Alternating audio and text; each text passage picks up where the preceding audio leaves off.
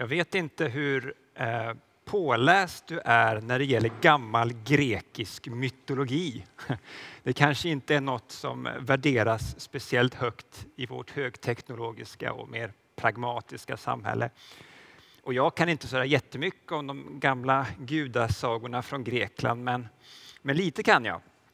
Och jag tänkte börja den här predikan om Jesus genom att nämna Akilles. Akilles det är en av den grekiska mytologins stora hjältar.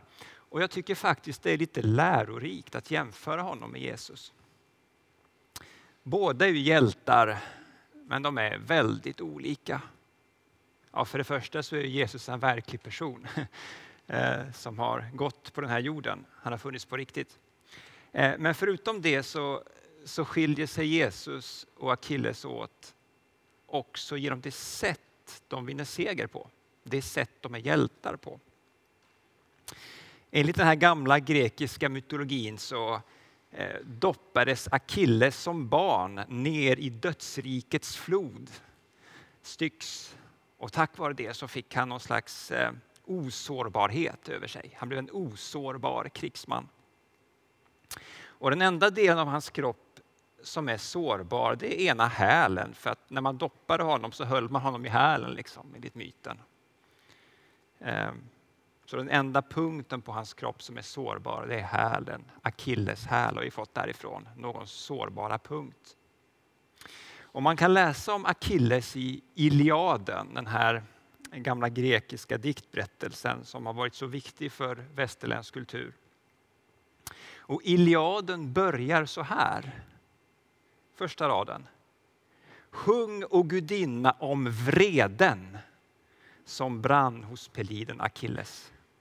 Och det första ordet i den grekiska texten det är faktiskt ordet vrede. Vrede brann hos Akilles. Så börjar Iliaden. Jämför nu med Jesus. Akilles han är full av vrede. Han, I Iliaden så dödar och slaktar han och är i princip osårbar. Jesus däremot låter sig dödas utan motstånd och hela hans kropp, inte bara en liten del, utan hela hans kropp är spikbar så att säga. Det finns en sårbarhet hos Jesus som inte finns hos Akilles. Och det är i och genom den här sårbarheten som han vinner seger på korset.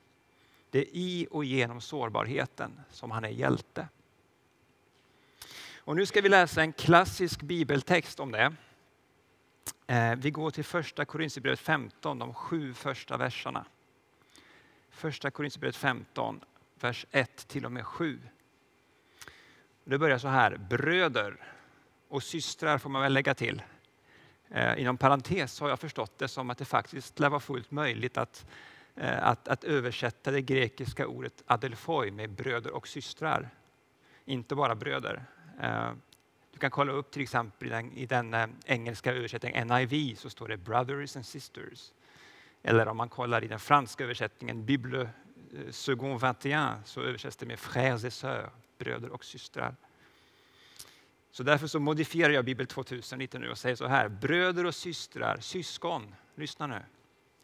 Jag vill påminna er om evangeliet som jag förkunnade, som ni också tog emot, på vars grund ni står och genom vilket ni blir räddade. Jag vill påminna er om orden i min förkunnelse. Den håller ni väl fast vid, annars var det bortkastat att ni kom till tro. Bland det första jag förde vidare till er var detta som jag själv hade tagit emot, att Kristus dog för våra synder i enlighet med skrifterna, att han blev begravd, att han uppstod på tredje dagen i enlighet med skrifterna och att han visade sig för Kefas och sedan för de tolv. Därefter visade han sig för mer än 500 bröder vid ett och samma tillfälle. De flesta är ännu i livet. Alltså med andra ord, du kan fråga dem om du, har, om du inte tror det. Fråga dem. Men några har avlidit. Därefter visade han sig för Jakob och sedan för alla apostlarna.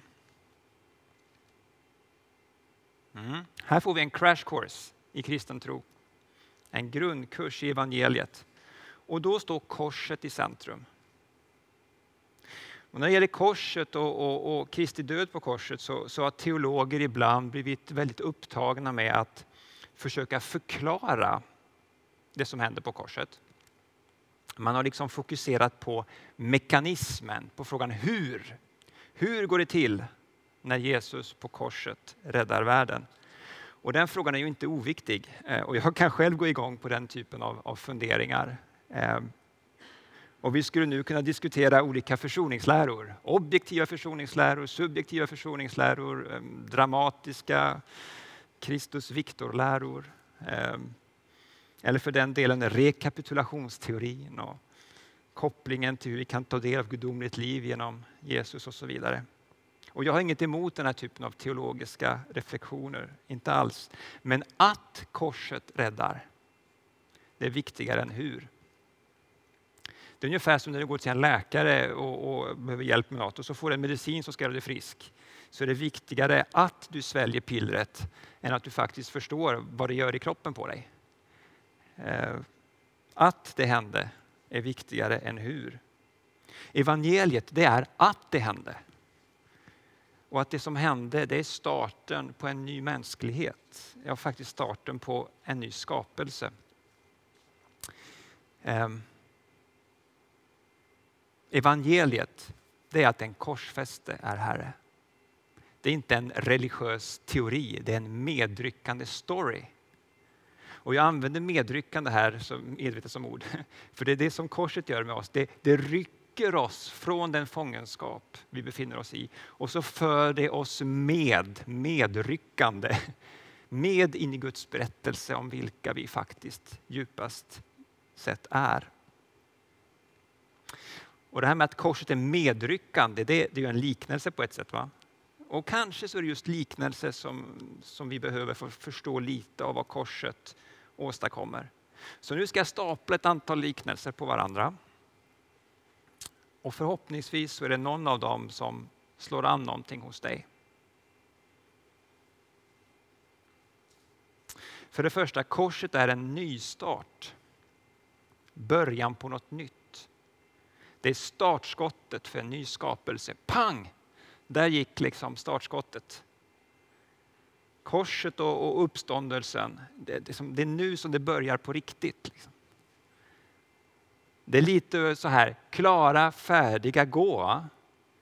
Klara, det är liksom långfredagen. Klara, färdiga, det är liksom lördagen. Vi väntar i spänning. Nu, snart, snart, snart. Go på söndagen. Startskottet. För det andra, Korset är navet i universum. Det allting kretsar runt. Kan du, det, kan du se det framför dig? Liksom? Allt kretsar kring korset. Det är universums medelpunkt. Det är navet. Tre. Korset, det är som ett par glasögon. Helt plötsligt tack vare korset så, så kan vi se vem Gud är. Det är inte en blodtörstig tyrann, tvärtom. Gud är som den som hänger på korset. Alltså korset är liksom öppnar våra ögon. Och så ser vi Guds innersta väsen. Och det är inte så, och det här är viktigt, det är inte så att vi först bestämmer oss för en slags abstrakt gudsbild och så ska vi trycka ner det där i, liksom, ja men vi har ju korset också och Jesus och ska vi försöka få ihop den här gudsbilden med korset. Liksom. Nej, nej, nej, det är tvärtom. Det är Jesus på korset som är mallen för Gud är. Det är liksom för vem Gud är. Det är det som är liksom det avgörande. Inte tvärtom. Inte att trycka ner en abstrakt bild och så har vi Jesus också på korset. Hur ska vi få ihop det här? Nej, tvärtom. Jesus på korset, det är vem Gud är. Gud kommer på besök och vi spikar upp honom. Men inte ens då, inte ens då slutar han att älska. Det är vem Gud är. Fyra, och på tal om kärlek. Korset är som en kärlekssång som ljuder genom seklerna. Kan du höra den? Hör du melodin? Den ljuder genom seklerna. Spikarnas kärlekssång. Fem, Korset, det är Guds öppna famn. Kan du se det framför dig? Gud öppnar sin famn på korset. Han står inte med armarna så här, armarna i kors. Nej, det är inte så. Det här är inte armarna i kors enligt, enligt evangeliet. Det här är Guds öppna famn. Det är, vem, det är vad Gud gör med korset. Välkommen.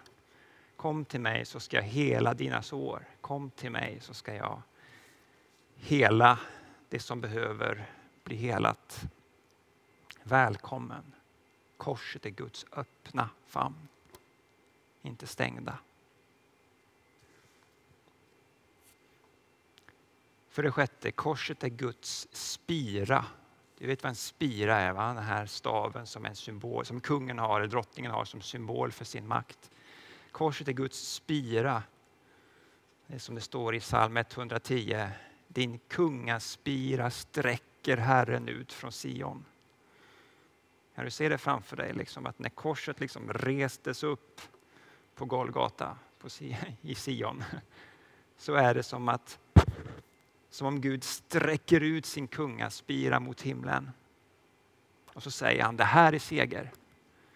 Nu är jag kung. Det här är min spira. Det här är symbolen för makt. Korset är Guds spira.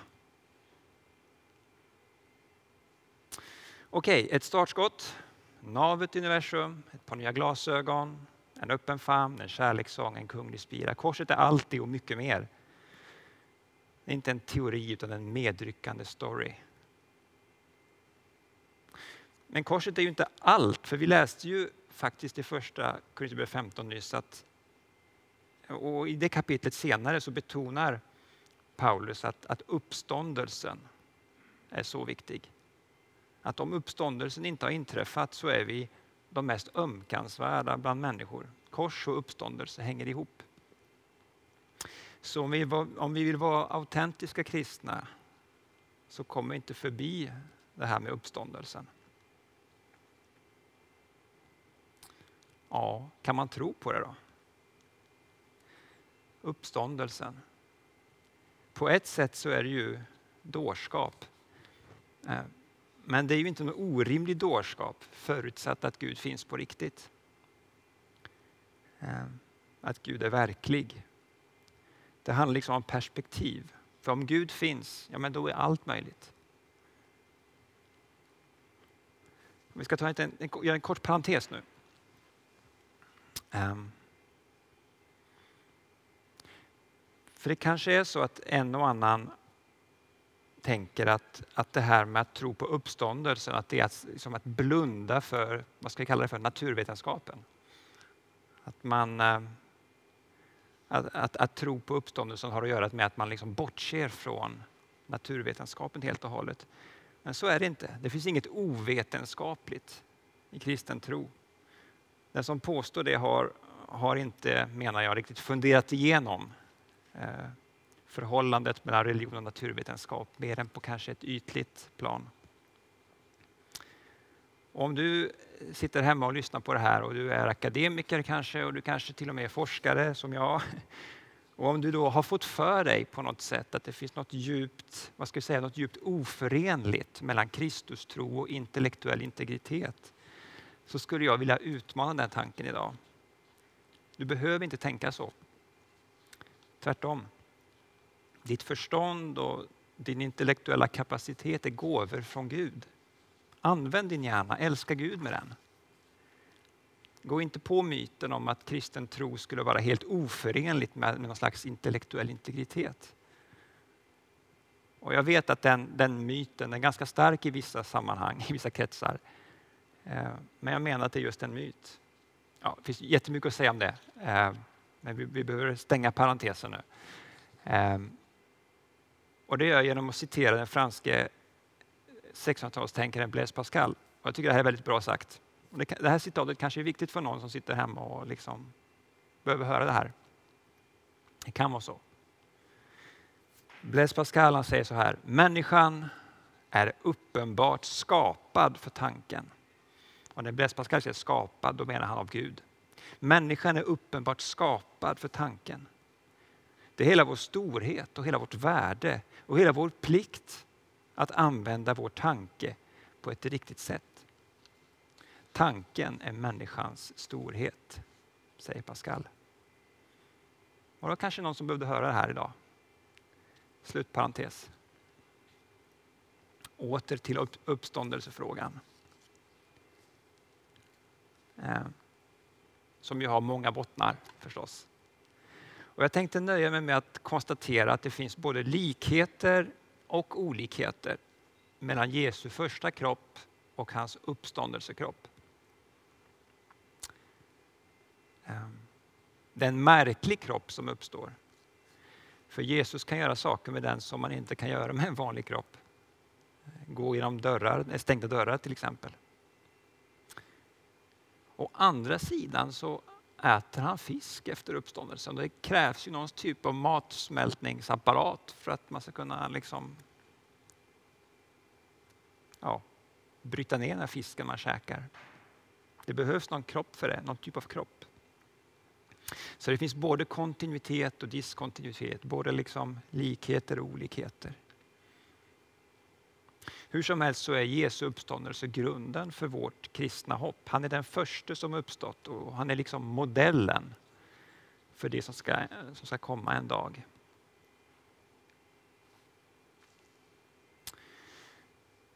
Till sist måste vi säga något om Jesu himmelsfärd. Vad betyder det att Jesus far till himlen efter uppståndelsen?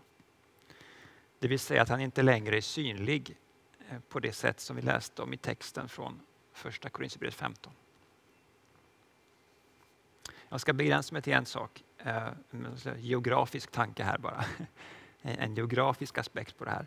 Alltså att inte ska förstås, alltså himmelsfärden ska inte förstås som att Jesus har lämnat den här planeten och, och liksom, som liksom tar en slags, utför någon slags rymdfärd till en avlägsen eh, galax någonstans långt borta det är ingen, det är liksom, det är ingen flytt i geografisk bemärkelse. Jesus är inte ljusår bort ifrån oss. Istället så tänker jag så här att man kan se det som att Jesus på något sätt river itu och går igenom den, den tunna hinna som skiljer oss från någon slags osynlig värld som i någon mening finns nära oss. Jesus är inte långt ifrån någon enda en av oss. Han är inte avlägsen. Det är viktigt att säga, alltså, Jesu himmelsfärd betyder inte att Jesus är långt borta. Han är nära. Och den som i tro räcker ut sin hand och kommer att få känna liksom att han griper tag i den. Han är inte långt borta. Och sen håller han oss i handen på vår vandring genom livet, vad som än händer. Och den handen, handen som håller så hårt i dig, glöm inte att den har sår. Glöm inte att den har sår. Det skulle man kunna meditera länge över. Ja. Den handen som håller din i ett fast grepp, den handen har sår. Och en dag ska den handen fixa till den här världen så att den blir hel. Han som en gång var en snickare, han kommer en dag att bygga, bygga om vår värld enligt Guds ritningar.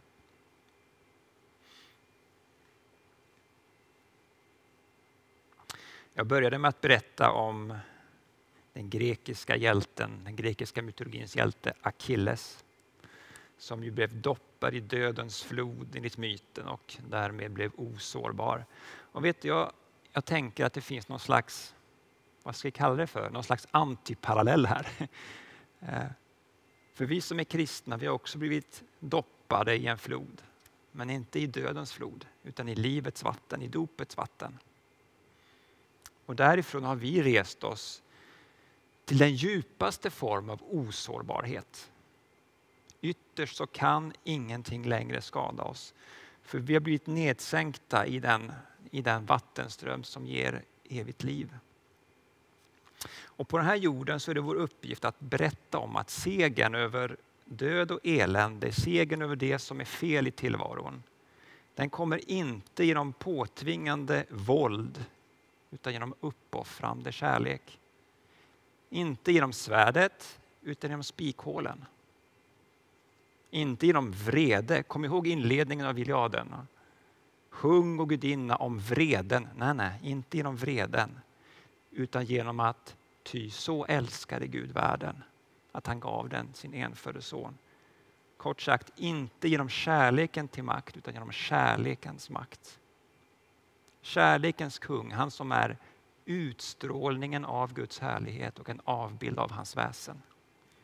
Han dog och uppstod och vi lever i väntan på hans återkomst. Och det, det är nog faktiskt temat för nästa vecka. Amen.